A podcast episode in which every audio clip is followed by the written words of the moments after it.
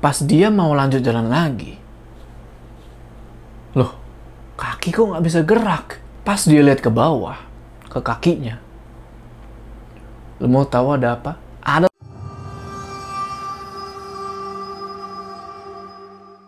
Assalamualaikum teman-teman, balik lagi sama gue Joe. Apa kabar kalian semua? Semoga kalian semua yang menonton video ini diberikan kesehatan, dilancarkan rezekinya dan selalu dimudahkan urusan-urusannya dan selalu diberikan perlindungan dari wabah yang sedang melanda dunia saat ini. Kembali lagi di pendakian horormu di mana di segmen ini gue akan menceritakan kisah-kisah horor pendakian yang sudah kalian kirimkan ke email gue. Dan pada kali ini, gue dapat kesempatan buat nyeritain pengalaman seseorang yang sebut aja namanya Dono. Di mana dia dan keempat orang temannya mendaki ke sebuah gunung. Gunung ini bakal gue samarin ya. Pokoknya, gunung ini tuh lumayan tinggi dan cukup terkenal dan ada di Jawa Tengah. Kita sebut aja Gunung Z. Di sini, yang membuat Dono dan teman-temannya mendapatkan gangguan gaib bukan karena Gunung Z itu, tapi lebih karena mendaki ke Gunung Z itu lewat jalur ilegal. Apa yang bakalan Dono dan teman-temannya alami di sana? Tonton video ini terus. Sebelum kita masuk ke cerita, jangan lupa kalian like video ini dan bagi yang belum subscribe, ayo subscribe sekarang ke channel ini supaya kalian gak ketinggalan cerita-cerita horor selanjutnya. Udah siap ya? Mode horor aktif.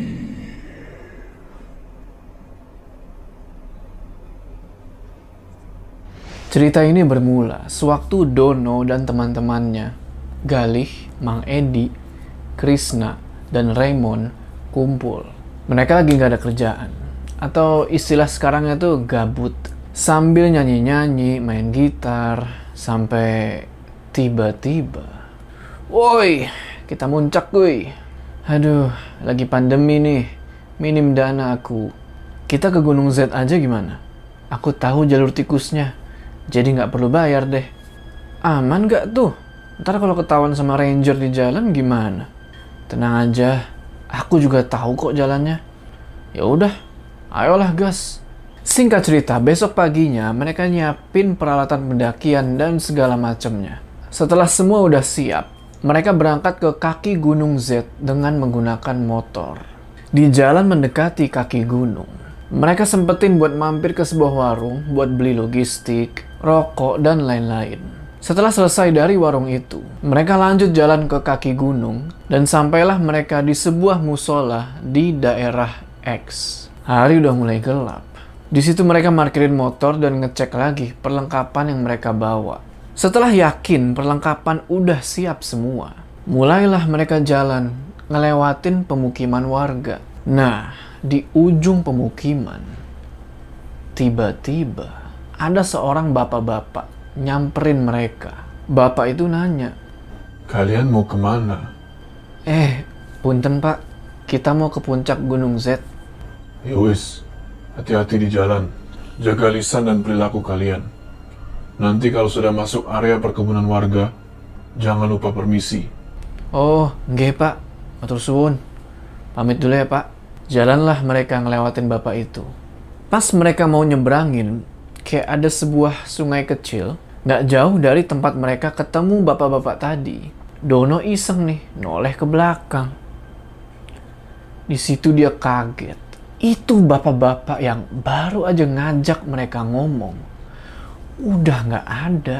Tapi Dono di situ berusaha buat positive thinking. Mungkin itu bapak-bapak udah jalan ke arah lain. Setelah menyeberangi sungai kecil itu, mereka ngelewatin area persawahan. Formasi barisan waktu itu adalah Mang Edi leader, disusul Dono, Galih, Krishna, dan sweepernya adalah Raymond. Jalan terus ngelewatin area persawahan. Sampai akhirnya masuklah mereka ke area perkebunan warga. Jalan, jalan, jalan. Tiba-tiba. Stop! Buruan kita putar arah. Cari jalan lain. Lah, ada apa emangnya, Mang? Setelah tahu ada apa, mereka semua sontak kaget dan lari putar arah. Apa yang mereka lihat sebenarnya? Jadi, pas lagi jalan menuju ke belik atau mata air di area perkebunan warga itu, nah, di tengah-tengah jalur, mereka ngeliat ada ular gede melintang. Gedenya ini nggak wajar. Mungkin bisa dibilang lebih gede dari badan orang dewasa. Dan panjangnya itu panjang banget. Nggak tahu ekornya di mana. Cuman kepala ular itu kelihatan lagi minum di belik yang mereka rencananya mau ngisi air minum. Mereka lari muter balik sampai ke area persawahan lagi. Di situ Krishna bilang, "Gimana? Mau lanjut cari jalan lain? Apa mau balik aja?" Emangnya lu tahu jalur lain selain ini? Tahulah, aku kan udah sering ke sini.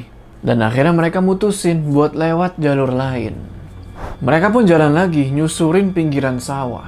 Sampai mereka mulai masuk ke area perkebunan warga. Formasi mereka atur ulang. Krishna leader, secara dia kan yang tahu jalan nih. Dan sweepernya Raymond. Baru beberapa langkah masuk ke area perkebunan itu. Teng! Dono ngeliat ada sosok hitam berbulu, bertaring, matanya gede melotot. Tapi makhluk ini cuma Dono yang ngeliat. Teman-teman yang lain gak ada yang lihat. Pas Dono jalan ngelewatin makhluk itu. Dalam hati dia bilang, Punten, Assalamualaikum. Yang gak disangka-sangka, makhluk itu ngejawab. Jadi kayak bisikin di kupingnya Dono. Waalaikumsalam, Den. Hati-hati. Yang di atas itu gak suka sama apa yang ngikutin kamu. Bingung Dono di situ. Maksudnya apa? Dan ternyata bukan cuma dia aja yang ngedenger bisikan itu. Soalnya Mang Edi tiba-tiba bilang, gak apa-apa Don, banyak-banyak doa aja. Berarti kan dia denger. Nah, mulai dari situ, gangguan-gangguan ekstrim mulai menimpa mereka, terutama ke Dono. Sekarang jalur sudah memasuki ke area kebun jati. Waktu itu udah jam setengah sembilan malam. Dan pas mereka lagi ngelaluin tanjakan yang lumayan terjal! Tiba-tiba Dono jatuh. Sontak Raymond yang ada di belakangnya Dono nanya sambil ngebantuin dia bangun. Lu kenapa? Kok jatuh sih? Gak apa-apa. Aku cuman kepleset doang tadi. Kok kayak kesandung sesuatu gitu? Udah nggak apa-apa, nggak usah dibahas lagi. Yuk lanjut jalan aja. Lu mau tahu kenapa Dono bisa jatuh kayak gitu? Ada tangan yang keluar dari dalam tanah, narik kakinya dia.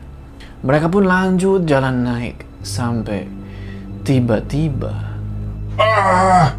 kedengaran kayak suara orang lari sambil teriak dari arah bukit di sebelah kanan mereka. Dono kira cuman dia yang ngedengar suara itu. Tapi tiba-tiba Raymond bilang, Don, lu dengar? Shh, udah cuekin aja, nggak usah dipikirin. Cuman Dono dan Raymond yang ngedenger suara itu. Mereka terus jalan sampai yang tadinya area kebun jati. Sekarang udah masuk ke area hutan pinus. Dono sontak bilang, fokus ke jalan, jangan nengok kanan kiri. Yang lainnya bilang, oke. Okay. Dono bilang kayak gitu karena dia ngeliat kalau di samping kanan dan kiri mereka udah banyak makhluk yang merhatiin. Dan gak cuma itu, kedengeran juga suara orang ketawa, suara orang nangis, dan suara auman macan. Nggak tahu teman-teman yang lain itu ngedenger apa enggak, tapi kayaknya sih enggak. Soalnya mereka pada cuek dan fokus ke jalur aja. Beberapa langkah kemudian, kelihatan ada batu gede di depan mereka. Dan tempatnya juga agak landai. Krishna bilang, break dulu cuy, tempatnya enak nih buat sebats dua bats. Rokok. Oke, istirahatlah mereka di situ. Di situ mereka ngerokok, minum, makan jajanan yang udah mereka bawa. Lagi asik-asik istirahat. Tiba-tiba. Dasar bocah-bocah asu. Rasopan. Kuping kanannya Dono. Ada yang ngebisikin kayak gitu. Sontak Dono refleks dong. Nengok ke kanan. Dan dia kaget di situ. Dari kejauhan. Berdiri. Sosok hitam. Berbulu. Kurang lebih kayak yang tadi. Tapi kali ini.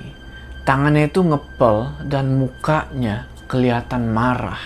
Melihat Dono yang agak aneh, Galih nanya, Lo ngeliatin apaan, Don? Enggak, enggak ngeliatin apa-apa kok. Dono berusaha buat nyuekin hal itu. Setelah cukup istirahat, mereka pun melanjutin perjalanan. Jalan semakin terjal dan mulai memasuki area hutan lindung. Lagi jalan gitu, tiba-tiba mereka berhenti. Karena setahu Krishna, yang udah tahu jalan di situ, nggak ada jalan bercabang sampai ke jalur pendakian resmi. Jadi mereka ketemu sama dua jalur, ke kanan dan ke kiri. Karena udah malam banget dan kaki udah pada capek, akhirnya mereka mutusin buat lewat jalur yang kiri. Soalnya jalur yang ke kiri itu lumayan landai. Sedangkan jalur yang ke kanan itu menanjak terjal dan berbatu. Sempet Dono ngeliat ke jam tangannya, jam tangan digital. Dan ternyata waktu udah menunjukkan pukul 21 lewat 21 menit. Ya udah, mereka susurin terus tuh jalur yang ke sebelah kiri. Sampai tiba-tiba Galih yang ada di tengah-tengah barisan bilang, Loh, kok ini tanjakan yang tadi? Tanjakan yang jalur ke kanan itu, yang terjal, sontak mereka berhenti dan ngamatin keadaan sekitar. Bener nggak nih? Dengan perasaan yang aneh, bingung, dan was-was, diem-diem Dono ngeliat lagi ke jam tangannya. Dan ternyata, jam masih menunjukkan pukul 21 lewat 21 menit. Tapi dia diem aja di situ gak ngasih tahu ke yang lainnya tentang keanehan tersebut. Dan lebih anehnya lagi, jalur yang tadinya bercabang, sekarang udah enggak. Ke mana jalur yang ke kiri tadi? Setelah mereka istirahat sebentar, mereka pun mutusin buat nempuh jalur menanjak dan terjal itu. Sempet mereka beberapa kali kepleset, tapi mereka masih semangat buat mendaki malam itu. Sesampainya di ujung tanjakan, mereka ketemu sama tempat yang agak landai. Mereka pun istirahat sebentar karena udah kecapean abis ngelewatin tanjakan curam itu. Gak lama kemudian, tiba-tiba sosok hitam yang tadi muncul lagi. Sontak Dono langsung ngasih kode ke yang lainnya buat ngelanjutin perjalanan. Baru beberapa langkah jalan, tiba-tiba Dono bilang, Stop! Mereka semua ngedenger. Ada suara orang lari dari kejauhan. Dan pas Dono nengok ke arah suara itu, ternyata itu adalah sosok hitam yang tadi. Sosok itu kelihatan lagi kayak ngejar sesuatu. Lalu tiba-tiba, sosok dan suara lari itu hilang. Diiringi sama bunyi benda yang jatuh ke dedaunan kering kayak kusrak. Yang lain bilang, anjir, apaan tuh tadi? Yang lain ini ngedenger, tapi nggak lihat sosok hitam itu. Dono bilang, udah paling buah jatuh, ayo lanjut jalan. Padahal mereka pun melanjutin perjalanan sampai ketemu sama dua buah pohon. Dan posisinya ini unik karena ngebentuk kayak pilar sebuah gerbang. Posisi pohon itu berada di atas tanah undakan yang tingginya sekitar setengah meteran lah. Teman-teman yang lain ngelewatin dua pohon itu dengan santai. Tapi pas giliran Dono lewat, baru selangkah. Semua yang ada di hadapannya dia kayak gelap banget. Padahal dia itu pakai headlamp. Terus hawa jadi lebih dingin dari sebelumnya. Pas dia mau lanjut jalan lagi. Loh, kaki kok nggak bisa gerak? Pas dia lihat ke bawah, ke kakinya. Lo mau tahu ada apa? Ada tangan keluar dari tanah. Megangin kakinya Dono Lalu tiba-tiba dada dia berasa sesek dan dia ngedengar bisikan di kuping sebelah kiri. Zon. Sontak Dono teriak-teriak, manggil Gali yang ada di depan dan minta dia buat balik ke tempatnya si Dono. Di situ si Dono pura-pura buat betulin sepatu. Padahal mah dia lagi berusaha buat ngelepasin tangan-tangan itu. Dono terus bilang, "Break dulu lah, Dadaku sesek banget nih. Kita istirahat dulu lah di sini. Krishna, Mang Edi, dan Galih pun balik lagi. Dono terus duduk dan masih berusaha buat ngelepasin tangan-tangan itu. Gak lama kemudian, Raymond yang emang tadi agak ketinggalan di belakang, nyusul dan bilang, Lu pada ngapain di sini? Baru juga tadi istirahat. Masa istirahat lagi? Dadaku sesek banget, Mon. Sabarlah. Oke, istirahatlah mereka di situ ngerokok-ngerokok. Dono masih sibuk sama tangan. Yang tadinya pura-pura benerin sepatu, sekarang pura-pura mijitin kaki. Dan pada akhirnya, tangan itu lepas. Cuman, setelah tangan itu lepas, tiba-tiba angin berembus kencang dan bikin dadanya Dono semakin sesak. Di saat yang bersamaan, Dono ngeliat ada sosok anak kecil, separuh badan, cuman dari kepala sampai perut. Bawahannya nggak ada, kakinya nggak ada. Anak kecil itu ngesot, nyamperin Dono. Karena ngelihat wujud anak kecil yang menjijikkan dan bau busuk itu. Muntah-muntah lah si Dono. Lalu, sosok itu tiba-tiba naik ke atas carrier-nya Dono dan tangannya itu nutupin kedua telinganya Dono. Sampai dia itu nggak bisa ngedenger suara teman-temannya sama sekali. Saking busuknya sosok itu. Dono terus muntah-muntah sampai dia itu lemes. Perasaan udah campur aduk di situ. Belum selesai urusan sama anak kecil itu. Datang lagi sosok-sosok yang gak jelas wujudnya. Bermaksud buat ganggu Dono dan teman-temannya. Teman-teman yang lain gak tahu keadaan Dono yang sebenarnya. Mereka cuma ngira kalau Dono ini masuk angin biasa.